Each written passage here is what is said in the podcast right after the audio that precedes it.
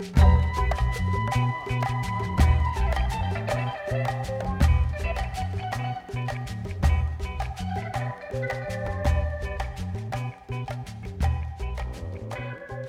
ik uh, druk op uh, live gaan bij uh, Instagram.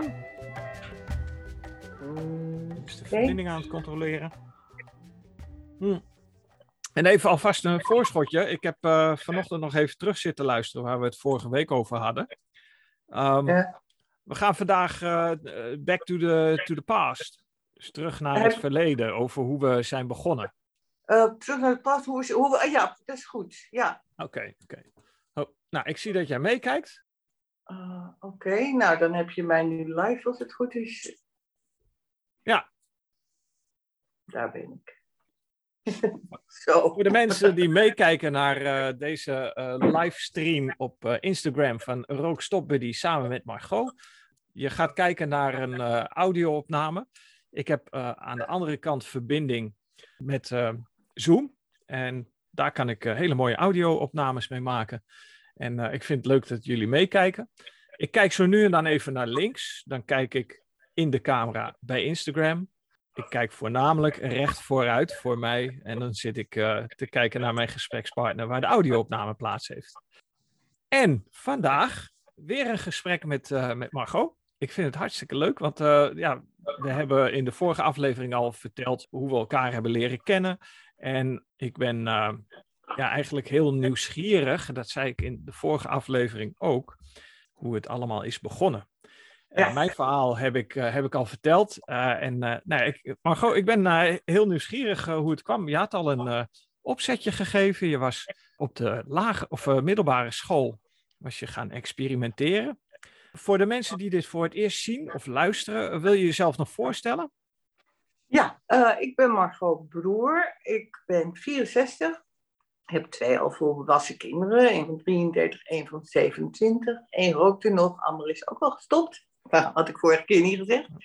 Um, en ik werk bij regionale radio- en televisieomroep als gastvrouw, telefoniste enzovoorts. Oké. Ja. Dus je, je hebt geen microfoon of camera vrees, dat is hartstikke mooi.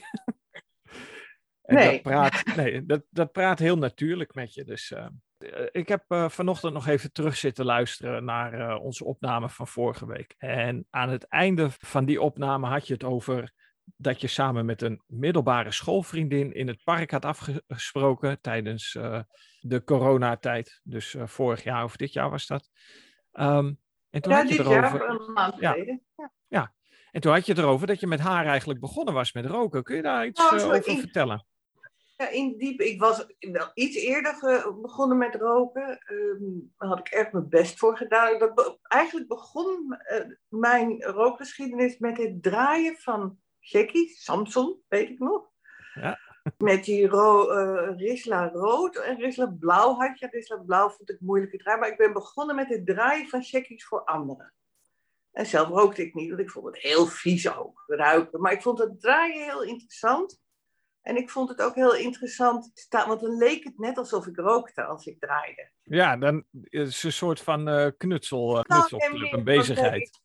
Kijk, ik ben stoer, ik rook ook, maar dan, dan, draaide ik hem en dan gaf ik hem weg, dan gaf ik hem door aan, uh, aan degene die wel rookte al. waar ook mensen die al Javaanse jongens rookten. Nou, dat was, dan was je echt helemaal popiopie. Ja, ja, ja. Ik heb één keer ooit een trekje van genomen, toen ging ik oud. Dus dat is oh. echt... Nou, ja, zo zwaar. Maar ja, ik ja. Ja. zo ben ik eigenlijk begonnen. En toen dacht ik, ja, eigenlijk moet het ook maar... Toen had ik een keer een opgestoken op, op school. Nou, ik denk dat ik 14 was. Mm -hmm. En daar stikte ik ongeveer in. Dus toen um, ben ik thuis, mijn moeder, mijn vader rookte als schoorstenen, dus ik kon overal sigaretten pakken. Toen ben ik op mijn kamer een week gaan oefenen om te inhaleren. Dat heeft echt een week geduurd, want ik stikte er iedere keer in. Weet je. En uiteindelijk na een week ging dat. En toen kon ik trots op het schoolplein ook meeroken met de populaire jongens en meisjes die dat ook deden. Jeetje, ja, ja wat, dat je de moeite voor moet doen, hè? Ja, en die vriendin, um, dat was zeg maar, toen was ik 16, dus twee jaar later toen ik al echt goed kon roken. Daar heb ik heel veel mee gerookt. En die, die had ik dus twee jaar niet gezien. En ehm, daar sprak ik me af in het park. En zij stak, we hadden een kopje koffie gehad. Zij stak een sigaret op. En ik dacht, ik neem maar een. Het was zo'n, echt zo'n brainwave. Weet je, of ja, nou ja. En het is dat, men, dat ik dacht, ja, nee, maar ik rook niet meer. Mhm. Maar dat was eventjes, terwijl ik al dagen helemaal niet meer aan had gedacht. Opeens was het zo'n schok voor me. Zo van, wat is dit nou? Dus ik, toen merkte ik heel goed hoe, hoeveel dat doet. Een, een herinnering of een, uh, waar je normaal altijd rookt. Want ik vertelde die vorige ook dat ik aan de hartmonitor had gelegen. Ja. En uh, nou, dat was drie uur lang en eng en een cardioloog erbij. En uiteindelijk nou, gaat ze bij naar huis en ik stond buiten. Ik dacht, oh, nu een sigaret. Als beloning of zo, weet je? Ja. ja en, zo, en hoe lang dat kan aanhouden. Ja. Nou, en nou hoor ik je toch weer. Er zit toch weer galm op, denk ik. Ja, we komen zelf ook twee keer. Dan gaan we van uh, Instagram af en dan gaan we gewoon met de audio verder. Want, uh, Oké. Okay. Ja? Zullen we dat maar doen? Ja, is goed. Dan uh, sluiten we de, de Instagram live sessie sluiten we af. Dag, um, ja, dag allemaal. Bedankt voor het kijken. de audio oh, is terug. Te... Wel. Ja, en de audio is terug te beluisteren nou ja, deze week op Spotify en iTunes. Dus voor de kijkers die dit straks nog zien, veel luisterplezier rookstopbuddy.nl. Ja, of oh, eh, op Spotify, uh, Rookstopbuddy, oh. daar kun je het vinden. Goed, ik ga deze even afsluiten en dan praten we zo weer verder op uh, audio. Ja, dat is erg onrustig. Ja, hè? Ja. Nou, het was een leuk experiment, maar helaas niet geslaagd. Nou ja, de volgende keer misschien. Mm -hmm.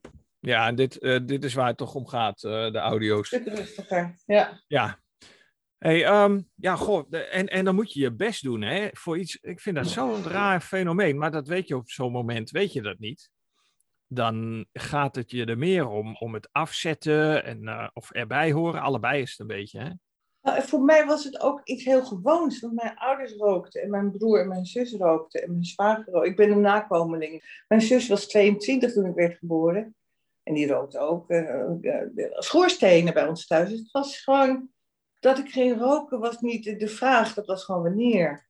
Ja, ja. ja. Eigenlijk. Heb je, heb je daar ooit nog eens over na kunnen denken of op terug kunnen kijken hoe je ouders daar dan in stonden? Want dat, wij zijn ouders, allebei, en we weten van, hey, we willen hier vanaf. Uh, en ja. ik denk dat de kinderen een grote motivatie zijn. In mijn geval zeker. Heel, zeker, absoluut. Ja, bij mij ook. Ik bedoel, ik heb zo'n, ik, ik, ik ben bij het Stoptober en dan kun je ja, zo ben ik nu weer gestopt hè, in oktober. Ja. En um, daar heb je, uh, moet je invullen wat je motivatie is. Nou, mijn motivatie is een foto van mijn twee volwassen kinderen. Nog steeds, zelfs nu ze volwassen zijn. Juist eigenlijk. Dat ik denk van, hé... Hey, uh, want mijn dochter, die, die zegt nu ook van... Oh mam, ik vind het zo goed dat je... Ik, ga, ik, ga ook, ik wil het ook niet meer. Dus, en ik zeg dat dus aan jou. Ja. Maar... Um, het zaadje is er wel, hè? dus uiteindelijk, uh, ik push niks, maar dat, dat in ieder ja, mijn moeder uh, rookte terwijl ze aan het stikken was, want die had COPD en nog een longinhoud van 40%. Ja. En uiteindelijk 30 en die rookte door met heel veel schuldgevoel. Dus dat was voor mij zoiets van, ze is ook dood gegaan daaraan. Ja. Mijn zus trouwens ook. Maar dat was voor mij zoiets van, uh, mijn moeder heeft me verlaten en dat, ik ging eigenlijk nog meer roken daardoor. Omdat ik zij heeft gekozen voor die sigaretten en niet voor mij. Dus het was eigenlijk een hele, niet zo heel bewust hoor, was dat. Maar achteraf denk ik, ja, daar was ik echt heel boos over. Ja, oké. Okay. Ja, ja. Ja, ik, ik, ik vind dat een uh, vreemd fenomeen. En uh, ik, ik ben er met uh, nou ja, het onderzoek wat ik nog steeds doe en heb gedaan erachter gekomen. Ja, wat daarachter zit, hè, dat, daar kun je heel Freudiaans over zijn. Maar uiteindelijk heeft het toch met, met onderliggende primaire gevoelens zoals het schuldgevoel en, en angst te maken. Ik, ik ben de, ja, de fabrikanten, ben ik ook de industrie van de angst gaan noemen. Het heeft met uh, recente ontwikkelingen op het gebied van uh, nou ja, de farmaceutische industrie te maken. Uh, om, ja. die shit te kunnen verkopen, moet je dus mensen bang maken en bang houden.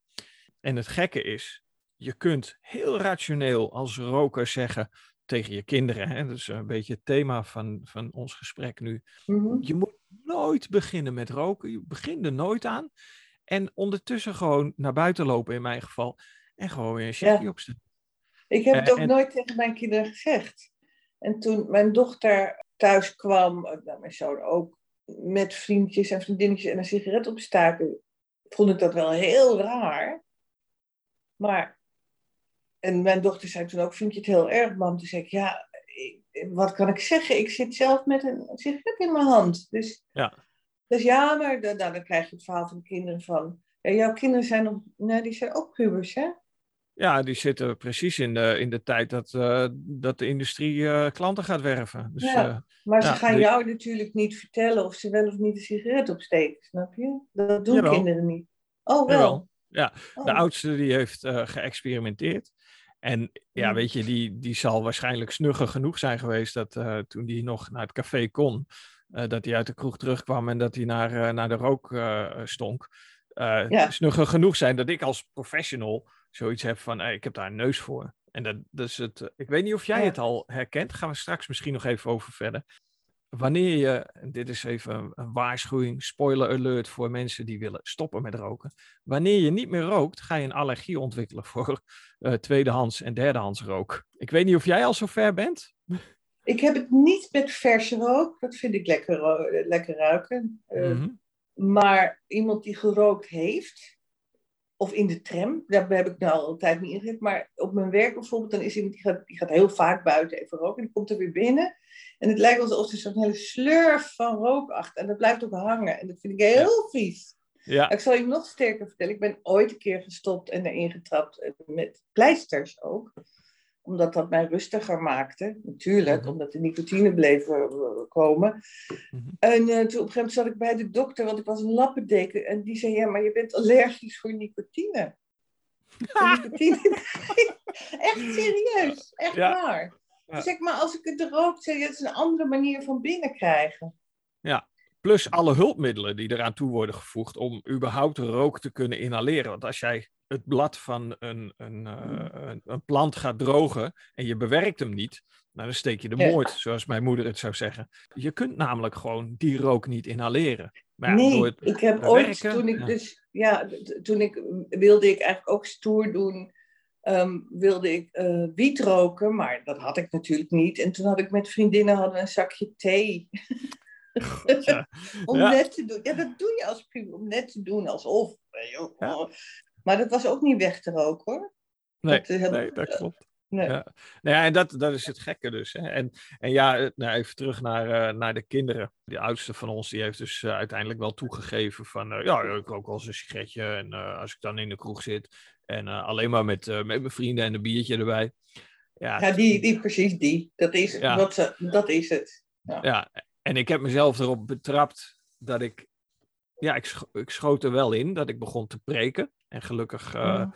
heb ik een heel, uh, heel goede activiteitenbegeleider die daar uh, de rem op zette. Want die zag ook van ja, dat heeft geen zin. Het heeft geen zin om je kinderen te gaan vertellen.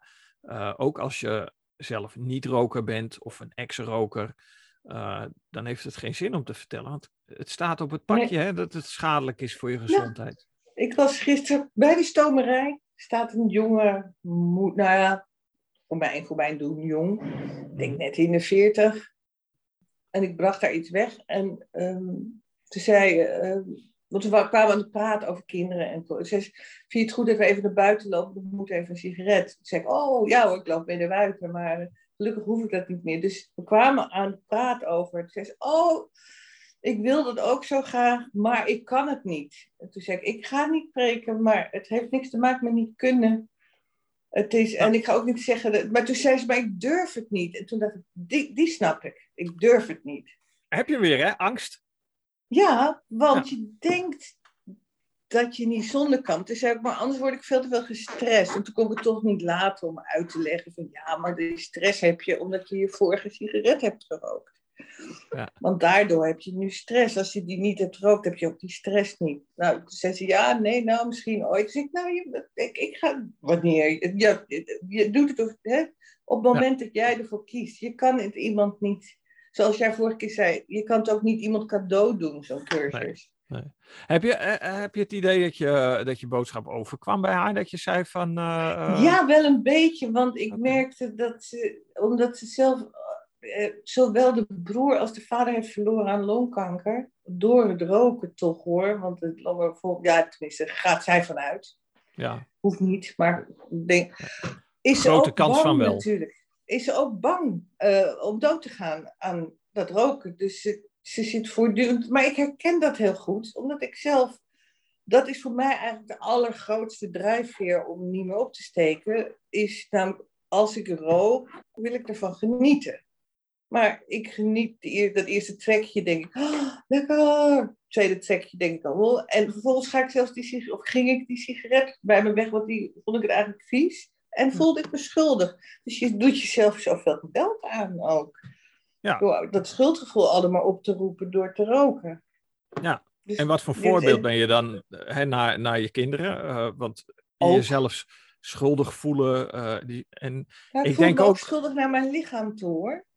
Ja, Weet okay. je? Dus niet alleen naar mijn omgeving, maar mijn man is echt, die is zo allergisch voor rook dat als we op het terras zitten en 50 meter, bij wijze van spreken, 50 meter verderop steekt iemand een sigaret op, dan gaat hij al mopperen. Dan oh, dan gaat weer iemand roken. Dan zeg ik, nou, ik ga toen ik nog rookte, ik ga nu ook roken. Nou, en dan ging hij echt vijf meter, heel ongezellig ook. Weet je, Ja. dus dat voelde, hij vond het zo vies. Ja, nou ja, goed. Ik, en ik merk dus ook, ik heb eh naasten die ook eh, sigaren rookt. Ja, dat huis, dat, Dat is, echt... Ja, en dat huis, dat is echt helemaal doortrokken van die geur. En als ik daar, eh, ook al is het maar tien minuten binnen ben geweest, ja, ik, ik moet me omkleden. Hetzelfde Oh, heb is het ik. dan ja. zo erg? ja, het is Ja, echt heel erg. En dan wordt, Niet, ja. nee, dan wordt er dus niet, niet om me vrienden heen gerookt. Ja, nee, vrienden heb ik volgens mij vorige keer over dat die roken ieder wel een sigaretje of 40 per dag. Dus als je daar binnenkomt, dan heb je eerst geen zuurstof. Dus dan gaat het raam open en dan krijg je wat zuurstof. En als ik dan thuis kom, dan moet ik wel mijn haar ook zelf wassen. Want dan is het zoveel. Ja. En ik heb zelfs het idee, maar ik weet niet of dat kan. Want ik wil dan helemaal niet roken, maar dat het wel lijkt op mijn lijf of er een soort herinnerings... Dat het getriggerd wordt. Ja, Terwijl het tweedehand rook is. Ja. Is Maar ja, goed, zo, het is-? Ja, ja, het is, eh, ja, is natuurlijk gewoon de, de rook met alle chemicaliën die erin zitten. En dan eh, ammoniak, je weet hoe dat werkt. Ja. Dat, Ja. dat is dus wat jouw ehm, herinnering aanzet. Maar En, zit het eh, ook in uitgeblazen rook dan, denk je? Ja, ja, daar zitten ook die chemicaliën Oh. in. Ja. vandaar, dat ik, dan ben ik daarna wat onrustig. Als ik dan thuis kom, denk waarom ben ik zo onrustig? Dan denk ik, ja, ik heb een paar uur gezeten in die kamer met... eh, ik heb er denk ik wel eentje meegerookt dan, als zij er ieder 15 eh, op hebben. Ja, en, en feitelijk, nee, maar feitelijk eh, ben je jezelf dus aan het vergiftigen. eh, in de eerste Ja. instantie als je zelf rookt, maar ook de, de onderzoeken naar secundaire en met name tertiaire rook, die zijn, ik vond ze, om ze niet schokkend te noemen, verrassend. Want die Ja, ik ben er nog rook, niet ingedoken. Ik, Nou, dat is- moet ik nog doen, maar dat vind, ik, dat vind ik ook wel griezelig. Om te kijken wat ik al die jaren mijn eh, omgeving heb aangedaan. Eigenlijk. maar dat doe je nu niet meer en daar hoef je dus Nee, ook niet meer, nee. nu niet meer schuldig ook- over te voelen. Daar word ik ook steeds vrolijker van, moet Ja. ik je zeggen. Ja. Steeds blijer van. Ja, ik hoorde het je ook zeggen, hè, dat, dat je besef hebt eh, dat roken stress veroorzaakt. En, en dat besef, ja, dat, dat kun je nogmaals eh, niet cadeau geven. Dat moet landen Nee. bij jezelf. Hè? Ik heb dat nooit geloofd, namelijk ook. Nee. Ik heb- ben acht keer of zeven keer eerder gestopt. En dan dacht ik, ja, dat roept iedereen wel van. En dan dacht ik, gelul. Dat, Mhm. ik, ik ervaar stress nu dat ik niet mag roken, weet je wel dat. En dan wist Ja. ik wel van, ja, ik mag wel, maar je wil niet. En al die dingen zei ik tegen mezelf. Maar nu ervaar ik het, dat ik gewoon minder stress heb. Ja. Gewoon rustiger ben. Ja, en een lichter leven leidt. En, eh, nou ja, goed, Lichter, je, vrolijker. ja, interessant. En ehm, nou ja, toch nog even om, eh, om bij het thema te blijven. Eh, jouw, jouw jeugd, eh, hoe is dat eh, Ja. ver- verder gegaan? Want je bent dan eh, op een gegeven moment... Nou ja, vervolgens. eh, Ik snap ook dat sigaretten nu achter eh, eh, schuifdeuren moeten, omdat ik inderdaad nog weet dat ik Camel ging. Mag ik merken noemen eigenlijk? Ja, tuurlijk. Ik bedoel, omdat die rotzooi die wordt toch... Ja, ja. Oh, omdat ik dat pakje zo mooi vond. En er waren zelfs spelletjes van zoek de leeuw. En dan moest je je duimen op een bepaalde manier. En dan, dan of Manneke Pis zat erin, dat was het. Ah, ja, ja, klopt. Ja. Nou, dat soort dingen. En, nou, en dat, ik vond dat pakje mooi. Uh, en uh, en uh, toen was ook mijn buren waar in Londen, in de Her niet in de had Biba, was een heel groot warenhuis. En die hadden sigaretjes voor me meegenomen, die hadden allemaal mooie kleurtjes. Met gouden filters, dus roze en blauw en groen. Nou, koning te rijk. Dus het ging me ook om het, om het alles eromheen. Ja, ja, dit is, dit is de subtiele uh, beïnvloeding van de, vanuit de industrie. Ja. De, er is een filmpje, die is nog te vinden op YouTube, geloof ik. En die film heet De Vervangers. En dat gaat letterlijk over wat jij nu vertelt. Ik, heb je die film gezien of niet? Nee. Document, nee, documentaire. Documentaire uit Nederland. Uh, ik ben even de naam kwijt van degene die het heeft geproduceerd. Maar uh, de film heet dus De Vervangers. Je kunt hem op YouTube vinden nog daar worden dus ook kinderen gevraagd uh, of, ze een, of ze de verpakking willen beoordelen. En die krijgen oh, een paar pakjes sigaretten. Die zeggen letterlijk wat jij net zegt. Ja, er zitten mooie kleurtjes in. En er staat een heel leuk diertje op. En uh, ja, deze verpakking die, die ziet er apart uit. Hè. Dat is een, een rechthoekige koker. of in kubusvorm, maar dan lang. In plaats van het platte standaardpakje. En dat schitterde zo mooi in het zonlicht precies wat je zegt. En zo... Ja, ik zag, ik, ik zag nu laatst op mijn werk, want ik ga wel met rook, rookpauze. Maar dan rook ik niet. Maar ik ga wel Heel verstandig. Ja. Want dat vind ik gezellig en lekker buiten. frisse neus halen. Mm. ik dus echt, maar goed. Uh, alhoewel ik ernaast heb. Maar toen zag ik iemand die stak een sigaret op en die pakte op en die deed iets met een knak of zo, een klik. Ja. En, en toen zei ik, wat doe je nou met die sigaret? En het was ook een lekker geluidje. Het geluidje was ook goed. Toen zei ja, nu komt er menthol bij. Want uh, uh, voor de smaak in mijn mond. Ja. Hè? Ja, want eigenlijk is roken, gewoon roken, heel goor. En uh, ja, met die toevoegingen, ja. dan wordt het lekker gemaakt. ik, ken de, ik ken dat inderdaad, zo'n zo'n klik. En daar hebben ze ook met nou ja. vruchtensmaakjes en... nou ja, weet je, zo, en zo besodemiet het een hele industrie, onze samenleving eigenlijk. Ja, het, is echt schandalig. Ik hoop echt, ik, ik hoop dat er een rookvrije generatie aankomt. Het zal nog wel een tijd duren, maar dat mensen echt zeggen, jeetje, ja, in 2020 rookten mensen nog gewoon. was heel gewoon. Ik hoop dat dat echt gaat gebeuren. Ik noem mezelf uh, altijd wel een realist. Geen optimist, geen pessimist, maar een realist. En als ik zie hoe de industrie op dit moment nog bezig is met... Uh, ja, om toch wel uh, voet te blijven houden in, in de maatschappij. Ja, het vape heb je nu, hè? Met ja, mijn broer, Morris die... Was, ja. Mijn broer was ook COPD. Nou, zijn moeder dood, zijn zus dood. En bij hem ook COPD geconstateerd. Dus die heeft die sigarettenkolbasis rookte die. Lekker, veel ook. Ja. Heeft hij aan de kant gegooid en is gaan vapen. Dat is zo'n zo elektronische, met een liquid doe je erin. Ja.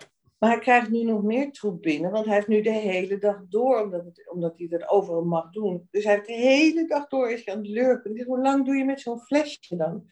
Zegt hij, ja, ik heb er soms twee per dag. Nou ja, man, dan heb je nog veel meer. Dan heb je nog veel meer, krijg je binnen, dan als je sigaretten rookt. En hij was ook zo iemand die was gestopt met roken en eerst sigaartjes ging roken. Toen rookte ja. 25 sigaartjes. Die dunne sigaartjes. Ja, en dan dus ook inhaleren. Is, ja, over de longen. Dat vind ik ook altijd grappig dat mensen zeggen van, ja, ik rook niet over mijn longen. Maar dan denk ik, maar waar, waar gaat het dan naartoe? Nou, in je speeksel. In je speeksel. En komt dat ook in je bloed. Ja, en, uh, ja. Maar, maar het is inderdaad... Ja, weet je wat je zegt over dat vapen, dat, dat is dan iets van uh, de laatste jaren van de tabaksindustrie. En wat ik nog wilde zeggen is, uh, Philip Morris met name, die hebben ingezet op uh, een rookvrije generatie, maar dan zonder het verbranden van tabak. Dat zou dan zogenaamd gezonder zijn. En, oh, maar ja, goed. Ik zo verhoord. Ja, ja, het blijven maar... wel gewoon de nicotine pushers. De gezonde zich, nee, ja, ik zag er heel kort iets over, maar Ik rookte er echt 25 per dag hoor. Mhm. Vannacht moest ik er nog aan denken, want ik kon niet slapen. Ik was wakker. En toen dacht ik, ja, dan, dan stond ik op en dan koud buiten, een beetje nattig, mistig, drie uur s'nachts. En dan ging ik op het balkon een sigaret zitten roken. Ja. Alsof dat lekker was in je nachtbon, koud. Nee. Maar ik dacht dat dat lekker was. Ja. Maar dat Ja. was niet zo. Dus ik ben nu recepten gaan lezen. ja, dat is wel lekker. Dat is wel lekker. Ja, ik kook. Het gaat steeds beter koken. Het wordt steeds lekkerder. Oh, interessant. Ja, ja, ja. Ja. Ehm, even denken, want eh, wat hebben we... Maar ja, je jeugd, dat je begint. Ja. En, en, ik, en inderdaad, je denkt als je jong bent, mij gaat het niet overkomen. Of ik raak niet. Mijn dochter zei het, ik, maar ik ben niet verslaafd. Want ik kan zo drie dagen niet roken.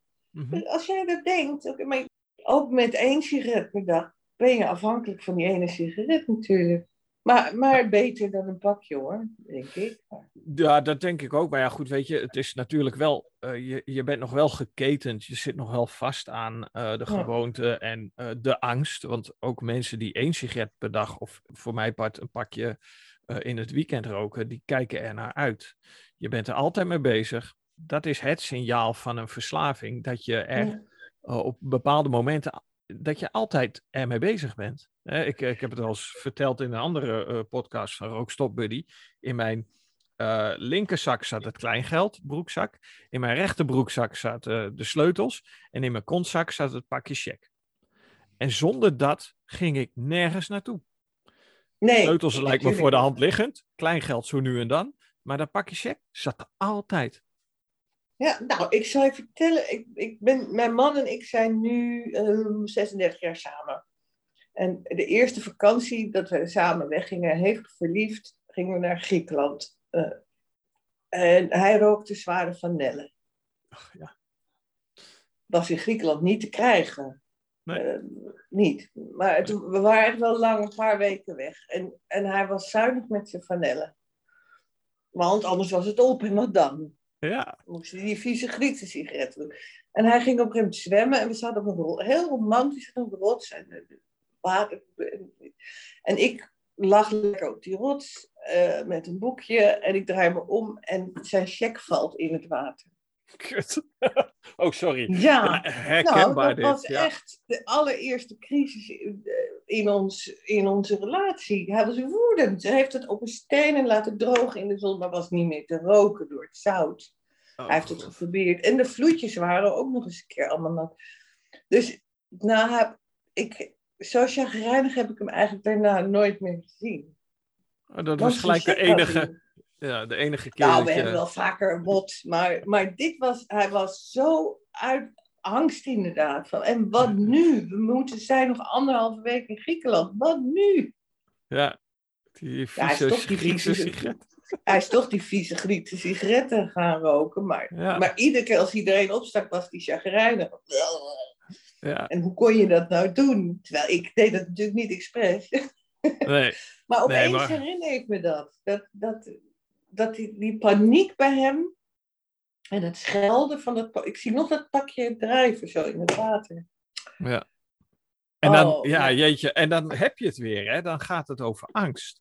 Angst Ja. voor verlies in dit geval. Ik herken het zo.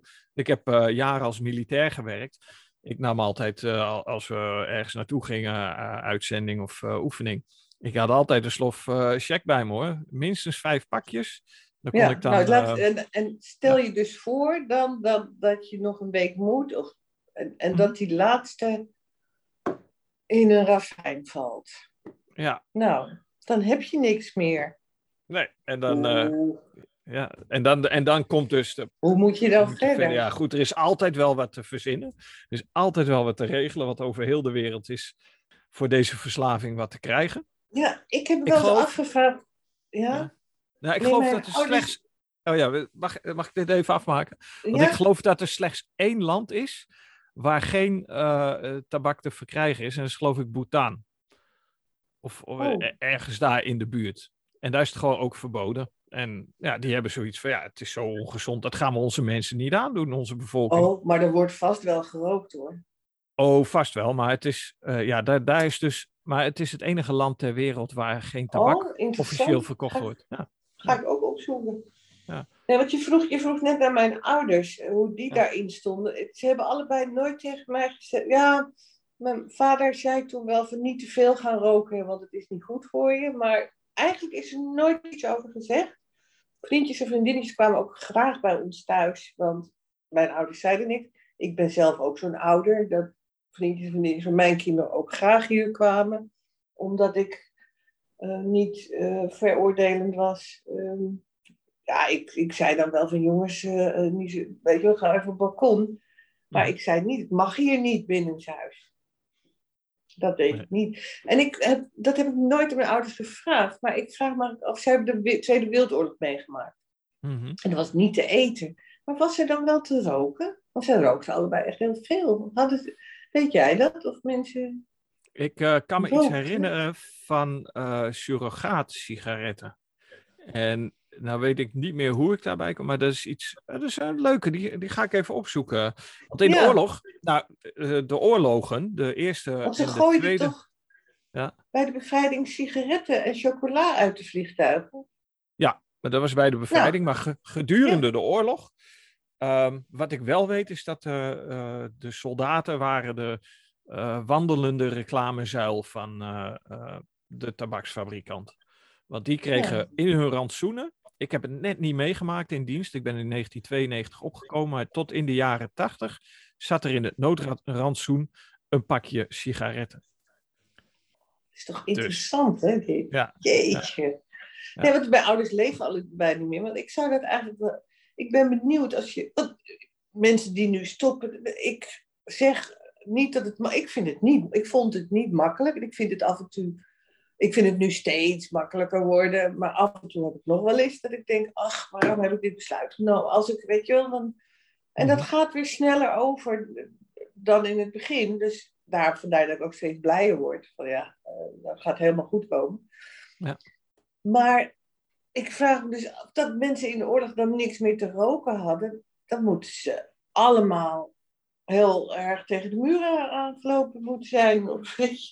Ja, het was en natuurlijk al een stressvolle periode. Ja. En ja, het was ook een, echt wel een heel andere wereld. Ik bedoel, als je uh, kijkt naar uh, steden, um, grote steden. Ik kan me herinneren dat uh, de, een groot deel van mijn familie woont in het westen.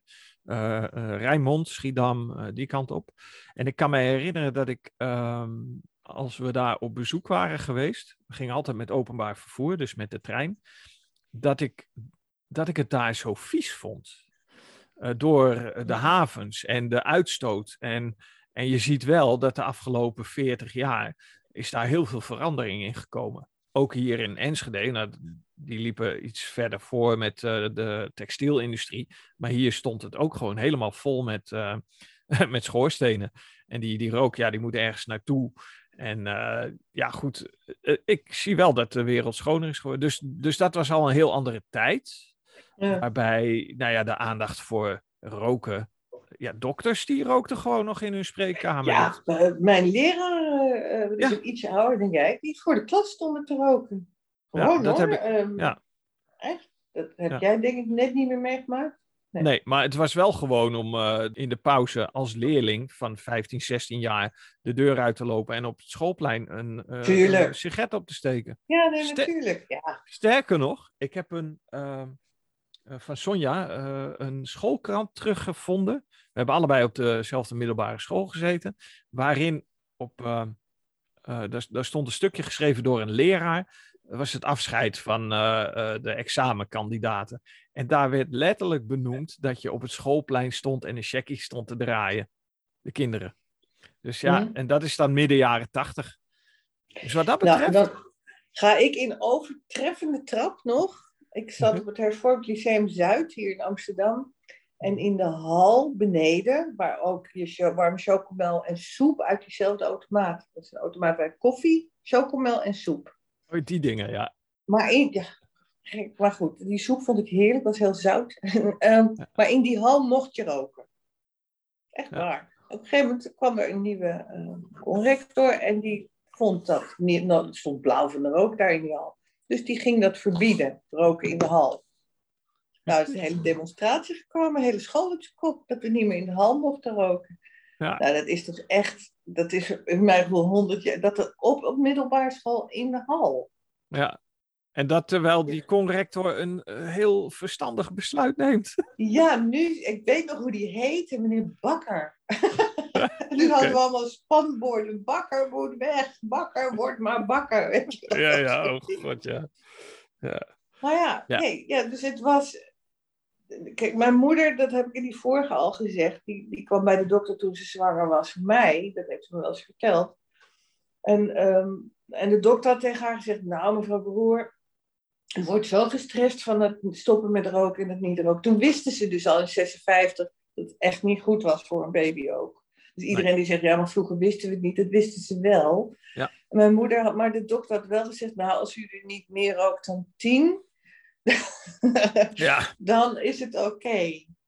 Ja, maar er zijn nog steeds vrouwen die ook nog roken omdat ze dan een kleine kindje krijgen. Dat is ook wel heel verdrietig. Ja, omdat je... Nou, dat denken ze.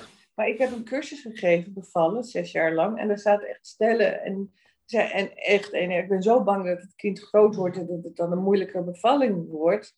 Dat ik, dat ik toch maar een paar sigaretten rook. Ja, misschien was het de ultimate rokersmoes hoor, dat weet ik niet. Maar... Ja, ik ken hem van inderdaad de, de rokerssmoesen. Want ja, wat, waarom, zou je, waarom zou je je kind dat aandoen? Dus hetzelfde als, uh, hoe heet ze ook weer, die geisha's in, uh, in Japan die uh, te kleine schoenen aankrijgen. En hun, ja, hun voetjes helemaal. Zo, ja. ja. dat is ja. toch precies hetzelfde. Heb dat doe je je kind heb toch je niet over... Nee, maar heb je dat filmpje wel eens gezien trouwens? Um, want dat, dat liet ik wel zien in de cursus Vallen en Opstaan. Jetske Spanjers en uh, begeleiding tot de bevalling. Mm -hmm. En um, daarin liet ik een filmpje zien aan ze. En dat was een filmpje wat wel gemaakt was in de baarmoeder van een vrouw die een sigaret, een trekje neemt. Mm -hmm. En dan zie je de reactie van het kind op het trekje. Die Ja. krimpt samen. Die even worden de uh, toevoer van bloed worden, even worden die aderen dichtgeknepen. Ja. Dus zo'n kind merkt dat echt. Ja, die, die raken benauwd.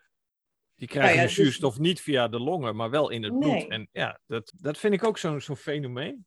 Eh, de koolmonoxide, hè, wat, wat die doet, eh, die, nou ja, die bindt zich 250 keer sneller dan zuurstof aan de rode bloedcellen. En dat, dat is wat je dus benauwt. Ehm, maar dat wordt dan weer gecompenseerd door, eh, hoe heet dat, longverwijdende middelen, die ze in pufjes stoppen, zit Ja, ook die in sigaretten. Ja, Ja. zit er ook in. Ja. Maar die, die benauwdheid, die, ja, dat, dat, is, dat is eigenlijk het ontnemen van energie. En waarom zou je je kind dat willen aandoen? Ja, omdat je verslaafd bent, eh, Ja, nou ja. praat je het goed. Ja. En die vrouw gisteren ook, een lievertje van die, van die stomerij, die zei ja, nee, maar, en, en, en, want dat hebben heel veel mensen nu, dat las ik in de krant, dat mensen meer zijn gaan eten en meer zijn gaan roken door de stress van corona. Ja. En dat vind ik zo tegenstrijdig, want ik ben juist gestopt. Ja. Door de stress van corona. Nou ja, nog net ervoor. Nee, Ja. ik zat er wel middenin. Nee, ik Ja, zat er wel middenin. Februari, Ehm, toch? eh, ik, ik ben in februari de, de eerste van de laatste keer gestopt. Weet je ja, wel? ja, Toen had ja, ik die ja. cursus gedaan bij eh, Hugo. Ja. Van, een, een fantastische cursus ook. Ehm, terwijl ik er zat, dacht ik, ja, dit weet ik allemaal wel. Maar het is toch hier ergens, omdat hij het allemaal leuk vertelt. Het is een soort cabaretvoorstelling, hè? Waar je ja, hè? ja.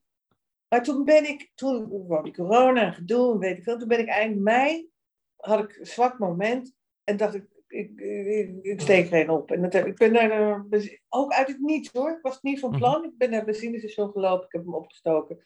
En meteen de volgende. En eh, binnen twee dagen rookte ik weer een pakje. Niet een Ja. week. Echt binnen twee dagen was dat gewoon weer raak.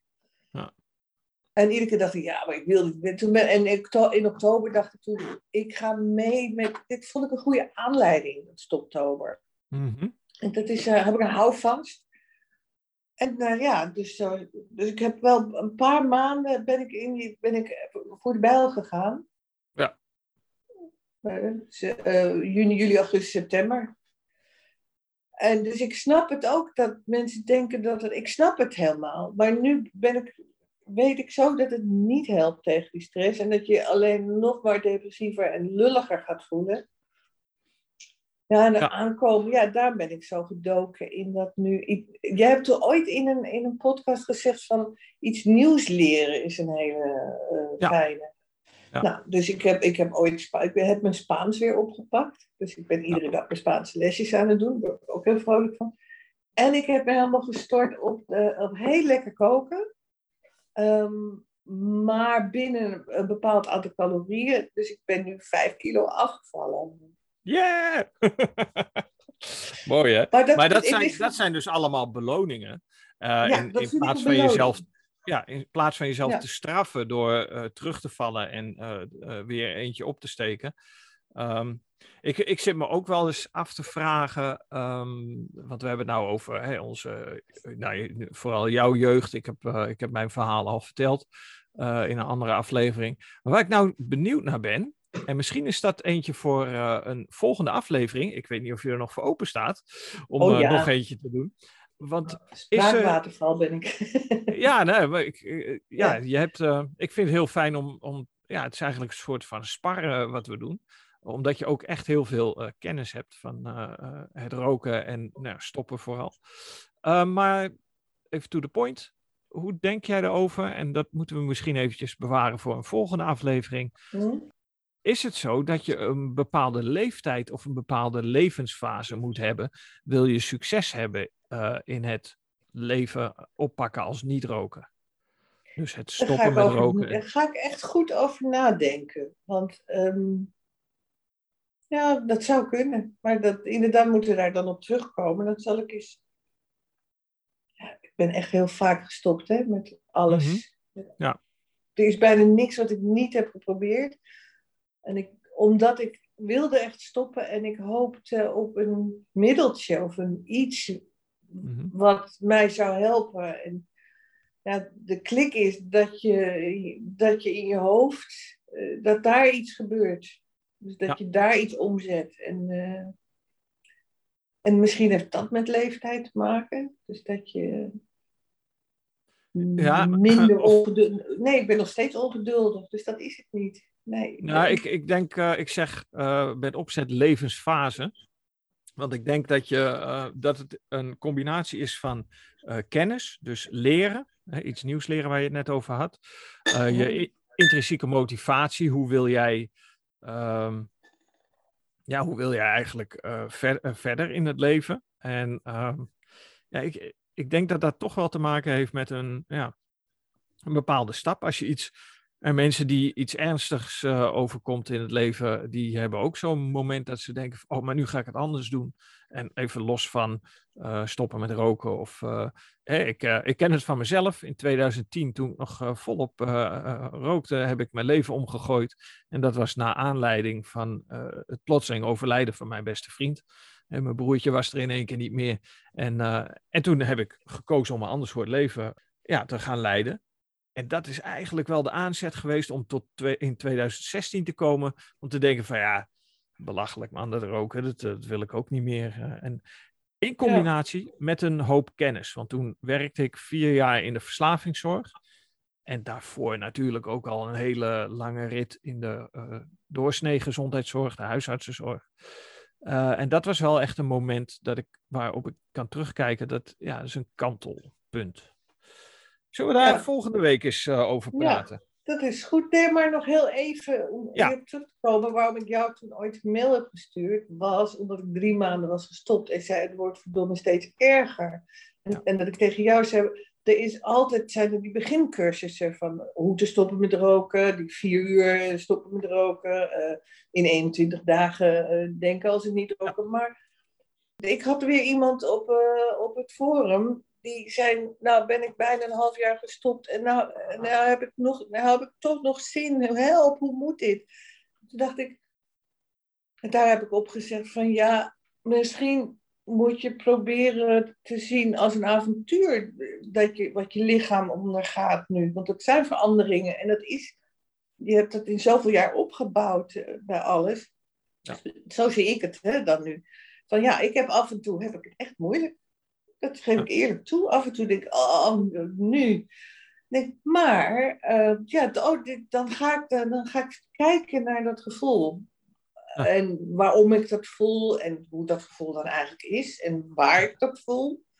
Ja. En dan hebt het weg en dan denk ik, oh zie je, ik, uh, ik haal nog steeds adem en uh, het leven gaat nog steeds door en ik ben niet ja. flauw gevallen.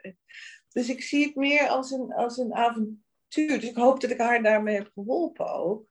Ja. Van, je, niet zo in het verzet van, nou wil ik nog steeds een sigaret en ik rook en de beloning komt maar niet. Dat, ik, dat vind ik echt wel belangrijk dat mensen daar ook gesteund worden. Hè? Ja. Heb je, heb je feedback gevraagd? Heb je al eens uh, gecontroleerd of het haar uh, heeft geholpen? Of... Het zou leuk zijn om dat te uh, ontdekken. Dat ik kan dat aan. Het is nog niet zo lang geleden dat ze dat schreef, een paar dagen ja. geleden. Dus ik kan dat aan haar vragen of ze um, of het haar heeft geholpen. Ik heb wel dat filmpje van Radar uh, met dat mannetje. Ja. Dat, leuke, dat is zo'n leuk filmpje ook, maar dat heb ik ook op dat forum. Dat is een chat die ik heb van mensen die overgebleven ja. zijn uh, van Stoptober. Ja. En dat is dat het groepje wordt steeds kleiner. Dat is, uh, dus, of mensen zijn helemaal niet meer met roken bezig, of ze zijn weer begonnen en durven niks te zeggen. Maar er zijn een aantal die dan af en toe wel de mist in is gegaan en dan liften we elkaar op. Hè? Dan zeggen we, ja. kom op, je hebt nou twee dagen gerookt, kan je uitschelen, stop, gooi het weer weg, ga gewoon door. En, en dat helpt soms. Ja. Dus dat bedoel ik met dat je je soms zo eenzaam kan voelen na vier... Ik ben nu dan uh, 1 april, en het is geen grapje, het is, ben ik een half jaar, uh, rook ik niet meer. Ja. En af en toe denk ik ook zelfs als een niet-roker, maar af en toe wel ben ik nog ja. steeds die roker. Uh, die niet rookt, maar denk ik wel aan. Uh, dan zie ik ook overal op straat mensen die aan het roken zijn. Ja, ja dat is die een wel. beetje de AA-benadering. En uh, ik, ik ben daar met wat tabak betreft niet zo'n voorstander van.